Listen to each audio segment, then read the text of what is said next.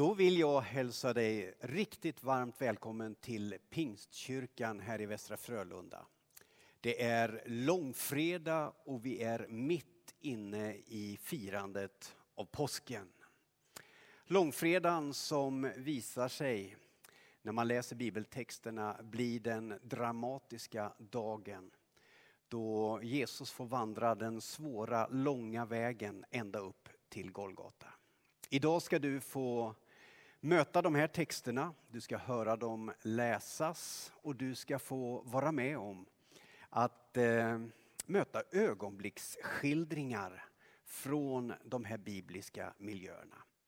Nu vill jag så här inledningsvis be en bön innan vi fortsätter den här långfredags gudstjänsten. Varmt välkommen. Herre, tack för att vi den här långfredagen får stanna upp. Vardagslivet får glida åt sidan och vi får möjlighet att reflektera över detta stora. Att du kom till den här jorden. Du vandrar hela den tunga vägen och du gör det för våran skull. Nu ber jag Herre att de här texterna skulle få liv. Jag ber att ögonblicksskildringarna vi ska få höra ska vidga våra tankar och hjälpa oss att se det vi kanske inte har sett innan. Tack att vi får lägga allt vad detta bär med sig i dina händer. Vi ber om din välsignelse över den här gudstjänsten. I Jesu namn. Amen. Medan Jesus fortfarande talade kom Judas, en av de tolv, tillsammans med en stor folkhop beväpnad med svärd och klubbor. De var utsända av översteprästerna och folkets ledare. Förrädaren hade kommit överens med dem om ett tecken och sagt den man som jag hälsar på med en kyss är det, honom ska ni gripa. Judas gick direkt till Jesus och sa Var hälsad rabbi och kysste honom. Jesus svarade Min vän, gör det som du har kommit för att göra. Och genast gick de andra fram och grep Jesus och höll fast honom. En av de män som var med Jesus drog sitt svärd och högg örat av översteprästens tjänare. Men Jesus sa till honom, stoppa tillbaka svärdet. Den som använder svärd kommer själv att falla för svärd. Inser du inte att jag skulle kunna be min fader att skicka ner tolv arméer med änglar för att hjälpa mig och han skulle genast göra det? Men hur skulle det då gå i uppförelse som förutsagts i skriften att allt detta måste hända? Sedan vände Jesus sig till folkhopen och sa som mot en farlig brottsling har ni kommit med svärd och klubbor för att gripa mig. Varje dag satt jag i templet och undervisade utan att ni grep mig. Men allt detta har hänt för att profeternas skrifter ska gå i uppfyllelse. I samma stund övergav alla hans lärjungar honom och flydde. Det var ett märkligt tumult utanför Getsemanes trädgård ikväll. Det började med att jag var ute på min kvällspromenad när jag mötte en grupp med romerska soldater. De hade med sig en person som inte såg ut som dem. Enkelt klädd och med en ängslig flackande blick. Var är han någonstans? frågade de honom ivrigt och han pekade i riktning mot trädgården. Jag blev såklart nyfiken och kunde inte låta bli att följa efter. Gruppen med soldater och den ängsliga mannen närmade sig fyra män som stod utanför trädgården. Jag kände igen en av dem. Det var den där Jesus som det talats så mycket om den senaste tiden. Han har tydligen gjort flera mirakel runt om i trakten och blivit väldigt populär. Men jag har också hört att många är väldigt irriterade på honom. Särskilt fariseerna och medlemmarna i det judiska rådet. Det ryktas om att han antyder att han är Gud själv, Messias, som vi väntat på. Sådana uttalanden kommer man inte undan med ostraffat här omkring. Själv vet jag inte riktigt vad jag ska tro, men jag har sett honom predika några gånger. Och det är en alldeles speciell karisma hos den där mannen som jag inte riktigt kan sätta ord på. Den här kvällen såg han plågad ut, men samtidigt med ett märkligt samlat lugn. Jag vet inte om det var något med månens ljus som föll mot hans ansikte men det såg nästan ut som om det var blod som rann ner för hans gässa, ner i pannan. Den ängslige mannen klev fram och kysste Jesus. Jesus sa någonting till honom som jag inte kunde höra. Men jag såg att hans blick var fylld med sorg när han sa det. Soldaterna klev bryskt fram och högg tag i Jesus som blev för helt, förblev helt lugn. En av dem som var med Jesus, säkert en av hans lärjungar, gjorde plötsligt ett utfall mot en av soldaterna och jag såg en svärdklinga blixtra till och ett skrik ekade genom natten. Den skrikande mannen tog sig mot örat, sen såg jag blod sippra mellan fingrarna. Sen hände något som jag aldrig kommer att glömma. Jesus sa någonting till lärjungen som huggit och tog samtidigt upp någonting från marken och gick fram mot den skrikande mannen. Och av det jag såg förstod jag att det måste varit mannens öra. Jesus fick med varsam hand mannen att släppa handen från sin tinning och han lade sin egen hand där. Skriket avtog, mannen blev lugn och när Jesus tog bort sin hand så blev det fullkomligt tyst. Jag såg några av soldaterna ta ett hastigt steg bakåt och stirra på Jesus. Sen titta vilset mot sitt befäl. Den nyss skrikande mannen stod nästan som förstenad och kände och nöp i det öra som nyss inte funnits där men som nu var på plats igen. Mannens häpna blick var fullständigt obetalbar. Efter några sekunder var det som om soldaterna kommit till sans igen och de grep tag i Jesus igen. Att denne Jesus gjort mirakel med människor förut, det kan jag nog förstå. Men att han gjorde det i denna situation för någon som var på väg att fängsla honom, det kan jag bara inte begripa. Var kommer ett sådant medlidande ifrån? De män som varit i sällskap med Jesus hade nu sprungit sin väg och jag såg gruppen med soldater fösande Jesus framför sig försvinna in i den mörka natten. Jesus ställdes nu inför den romerska landshövdingen som frågade honom Är du judarnas konung? Men Jesus svarade Det är du själv som säger det. Men när översteprästerna och folkets ledare började anklaga honom svarade han inte. Men hör du inte hur mycket de anklagar dig för, undrade Pilatus. Men till landshövdingens stora förvåning svarade inte Jesus på en enda fråga. Vid påskhögtiden brukade landshövdingen alltid frige en fånge, vem som helst som folket ville ha fri.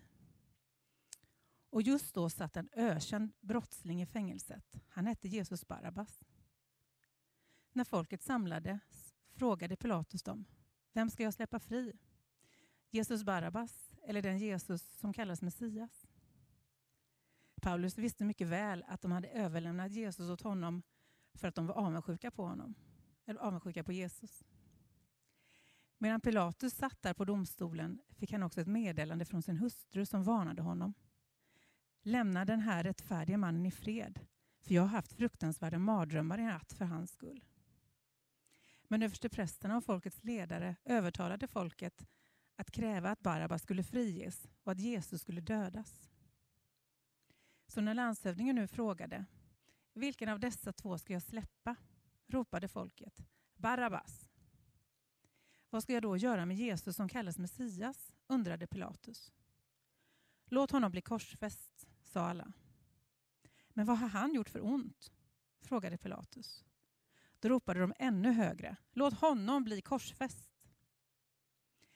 Och när Pilatus till slut, till slut insåg att ingenting hjälpte och att folket när som helst skulle kunna ställa till med upplopp tog han vatten och tvättade sina händer inför folkmassan och sa Jag är oskyldig till den här mannens död och hans blod. Ansvaret är ert. Folket skrek tillbaka. Låt hans blod komma över våra barn och oss. Då gav Pilatus efter och släppte Barabbas. Men Jesus lät han piska och överlämnade honom sedan till att korsfästas. Alltså jag kommer ihåg den här morgonen så tydligt. Jag väcktes tidigt av min hustjänare och klädde mig snabbt.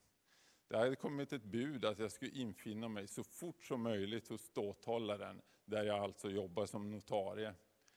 När vi kom ner till audienshallen möttes vi av en högröstad, upprörd skara. De flesta verkade vara från judarnas råd. I centrum för allas uppmärksamhet stod en enkelt klädd man och jag förstod med en gång att han var anklagad för något riktigt allvarligt. Det var ändå svårt för min herre Pilatus att se tydligheten i anklagelserna eftersom det verkade röra sig om några teologiska frågor och huruvida mannen var en gud eller inte. Dessutom svarade inte den anklagade på frågor min herre ställde till en början. Min herre ståthållare märkte snabbt att det här kommer inte att bli enkelt. För bakom allt verkar ligga någon slags avundsjuka gentemot den anklagade. En möjlighet till lösning som min herre började arbeta med var att ställa honom inför folket, som av tradition vid den här tiden brukade få en fånge frigiven efter eget val. När mannen ställdes inför folkhopen som hade samlats märkte jag snabbt att de flesta som var samlade de hade kommit dit på en i förhand bestämd agenda, nämligen att få den här mannen Jesus, som också kallades Kristus, dömd. Mitt i den här dramatiska morgonen när min herre, ståthållaren, sitter på sin domartribun så får jag till mötet en, ett skriftligt meddelande till mig som jag snabbt ska ge till min herre. Det visar sig komma från hans fru och det verkar påverka honom mer än något annat i viljan att hitta en lösning med en icke dödlig utgång för den här Jesus. Pilatus gjorde ett nytt försök att i enskildhet förhöra mannen Jesus igen och gjorde honom uppmärksam med all önskvärd tydlighet att nu ligger hans liv helt och hållet i min Herres händer. Och då kom ett svar som verkligen etsade sig fast i mitt sinne. För denne Jesus han sa, du skulle inte alls ha någon makt över mig om den inte getts dig från ovan. Vid det här laget hade folkhopen börjat högljutt skandera att mannen borde avrättas och vi hörde det ändå in i förhörssalen. När Pilatus förde ut mannen till folkhopen en andra gång var det som att de blev galna och började skrika att han skulle korsfästas. Det var riktigt ruskigt. Några i hopen gjorde också gällande att Pilatus inte kunde betraktas som kejsarens vän om man frigav någon som sa sig vara kung. Ropen gav effekt på Pilatus och efter det här så bad han om att få in en skål med vatten. Han sa, jag tvår mig från skuld för den här mannens blod. Folket ropade då, hans blod får komma över oss och våra barn. Efter det här så lämnade Pilatus ut mannen till avrättningsplutonen. Jag förde ner i mitt protokoll att även två andra dödsdömda skulle få sin dom verkställd den dagen. Soldaterna ledde först in Jesus på gården till landshövdingens residens, där hela vaktstyrkan kallades samman. De klädde på honom en purpurröd mantel och vred ihop en krona av törnen och satte på honom. Leve judarnas konung, ropade de. De slog honom i huvudet med en käpp och spottade på honom och föll ner på knä för att hylla honom. Efter att ha hånat honom tog de av honom den purpurröda manteln, satte på honom hans egna kläder och förde bort honom för att korsfästas.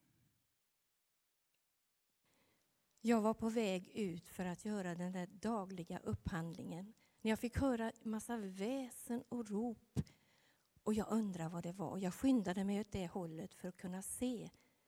Och jag kom fram och fick se en stor skara människor som var på väg någonstans.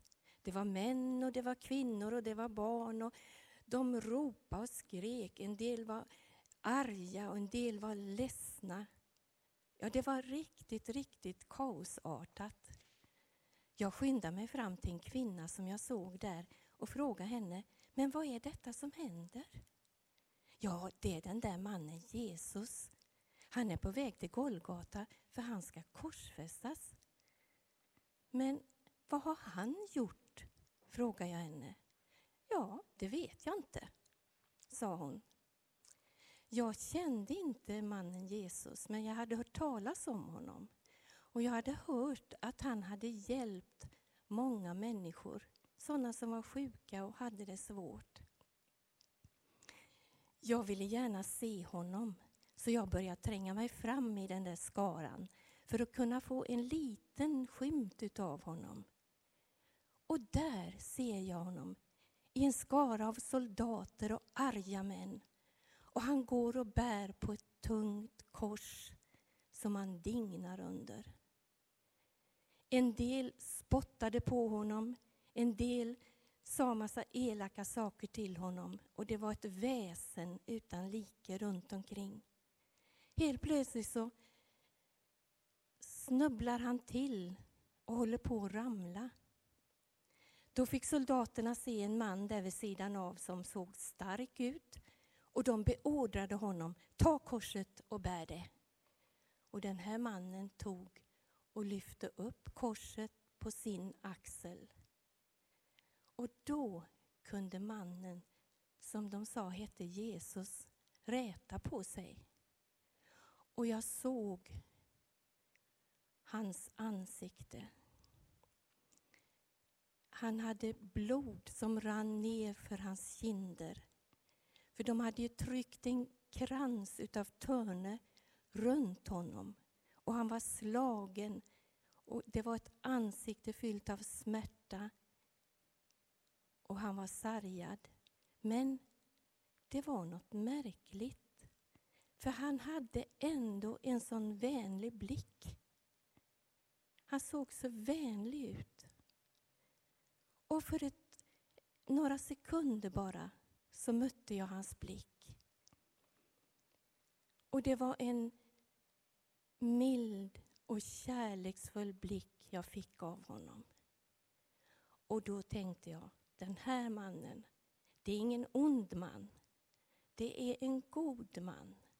För den blicken jag fick av honom där, den glömmer jag aldrig, aldrig.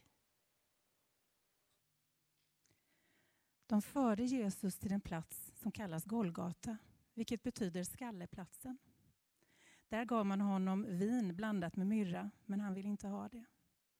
Sedan korsfäste de honom och delade hans kläder mellan sig genom att kasta lott om dem. Klockan var runt nio på morgonen när han korsfästes. Ovanför honom hade man satt upp en skylt med texten Judarnas kung för att visa vad han anklagades för. Samtidigt med Jesus blev också två brottslingar korsfästa, en på var sida om honom. Och de som gick förbi hånade Jesus och skakade på huvudet och sa Se där, se där ja, var det inte du som skulle riva ner templet och bygga upp det igen på tre dagar? Rädda dig själv nu och kliv ner från korset. Även översteprästerna och de skriftlärda gjorde sig lustiga över honom och sa till varandra Han var bra på att rädda andra, men kan inte rädda sig själv. Skulle han vara Messias, Israels kung? Ja, om vi får se honom kliva ner från korset, då ska vi tro på honom. Också de som var korsfästa tillsammans med honom hånade honom. När klockan var tolv blev det mörkt över hela jorden och mörkret varade ända fram till klockan tre. Vid tretiden ropade Jesus med hög röst Eloa, Eloa, lema sabachthani. Det betyder Min Gud, min Gud, varför har du övergett mig? Några av dem som stod där i närheten hörde det och sa Hör, han ropar på Elia. En av dem sprang bort och fyllde en svamp med surt vin och satte den på en käpp och höll upp den så han skulle kunna dricka. Låt oss se om Elia kommer och tar ner honom, sa han. Men Jesus ropade högt och slutade att andas. Då brast förhänget i templet i två delar, uppifrån och ända ner. När den romerska officeren som stod framför honom såg på vilket sätt Jesus gav upp andan ropade han. Den mannen var verkligen Guds son. Alltså, jag skulle egentligen bara till Jerusalem på besök. Vi skulle träffas med släkten för att fira Pesach. Och jag hade självklart hört rykten om den där Jesus, men jag visste inte direkt vad jag skulle tro om det. Min far Josef, han sa ofta, om det låter för bra för att vara sant, så är det förmodligen det också. Men jag var ändå väldigt nyfiken på vad som hände runt den där Jesus. När jag närmar mig Jerusalem på vägen som kommer norrifrån, från Betel, där jag bor numera, såg jag att det var en stor folksamling utanför staden vid kullen som kallas Dödskallekullen, eller Golgata. Jag tänkte att det var några rövare som skulle dödas som vanligt, men till min förvåning stod det ett plakat över mannen i mitten med texten Detta är Jesus, kung över judarna. Det var jättekonstigt, för trots att det var mitt på dagen så blev det alldeles mörkt och ingen fattade vad som hände. Mörkret på himlen höll i sig en lång tid och jag skulle säkert hunnit gå flera mil på den stunden. Stämningen var också jättemärklig. Självklart var det många som grät och skrek, men det var även ett helt gäng som skrattade och hånade de som var uppspikade, som att det inte var tillräckligt förnedrande att hänga där på ett kors. Till och med översteprästerna och några andra ledare i kyrkan stod där och ropade att han skulle rädda sig själv. Ja, det är ju lätt. Jag hörde några soldater viska och sen gav de honom lite vin från en kruka som säkert hade stått där i flera veckor. Det såg ut som att det var lite spindelväv på den. Jag önskar nästan att jag inte hade varit där, för det sista som hände, det kommer jag aldrig glömma. Plötsligt ropade Jesus Eli, Eli, lema sabachthani. Det var ett sånt där plågsamt vrål som jag aldrig någonsin kommer glömma. Vad han menade med min Gud, min Gud, varför har, har du övergett mig? Det vet jag inte. Men smärtan han förmedlade, den var isande. Direkt efter kom en jordbävning och jag tror inte att någon som var där tror att det var en slump.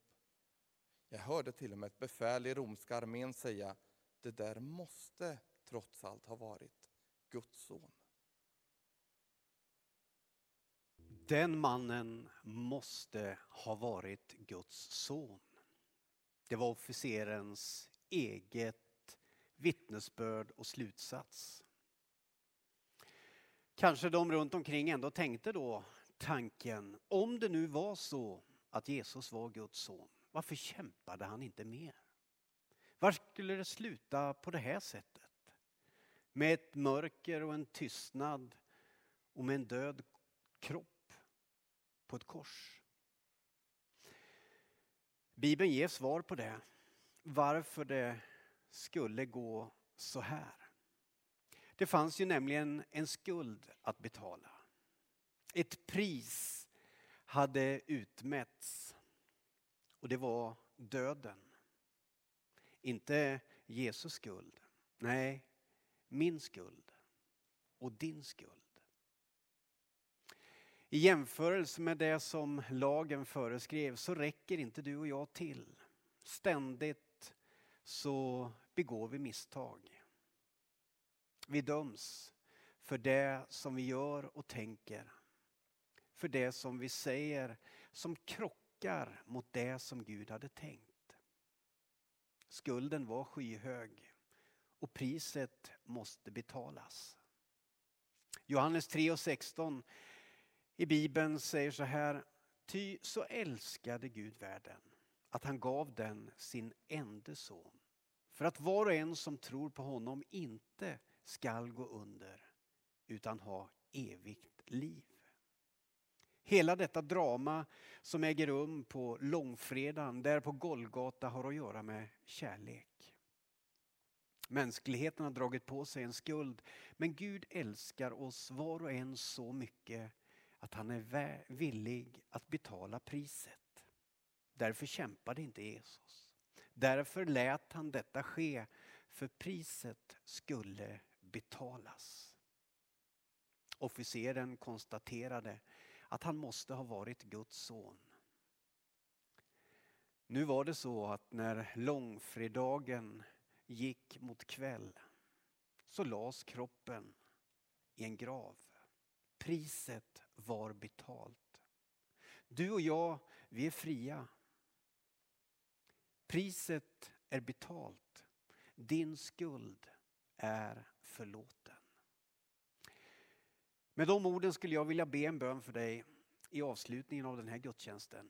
Jag skulle vilja att du kunde faktiskt ta till dig de där orden. Du är förlåten. Du behöver inte vakna upp imorgon skuldtyngd. Du kan få börja ett nytt kapitel i ditt liv. I tron som också officeren hade att Jesus, han var Guds son med syfte att betala priset för dig. Våga ta emot den här välsignelsen i den här bönen. Tack Jesus att vi får landa i det den här långfredagen. Att priset är betalt. Du kämpade inte emot, du gav dig frivilligt för du visste vad som behövde göras för att vi skulle gå fria. Tack för att du gick hela vägen. Tack för att du lät dig både hånas och slås sönder. Tack för att du gav ditt liv för våran skull. Tack att man kan få vakna upp varje ny dag och känna glädjen över att vara förlåten och fri. Tack att du ser den som lyssnar just nu som kanske har burit en tung börda. Tack att det räcker att viska orden förlåt Jesus. Och du förlåter. Tack för att det finns ett liv att leva tillsammans med dig. En framtid att gå till mötes då du kopplar liksom arm med oss. Tack Herre att vi får minnas detta den här långfredagen. Och vi får glädjas och vi får säga tack Jesus.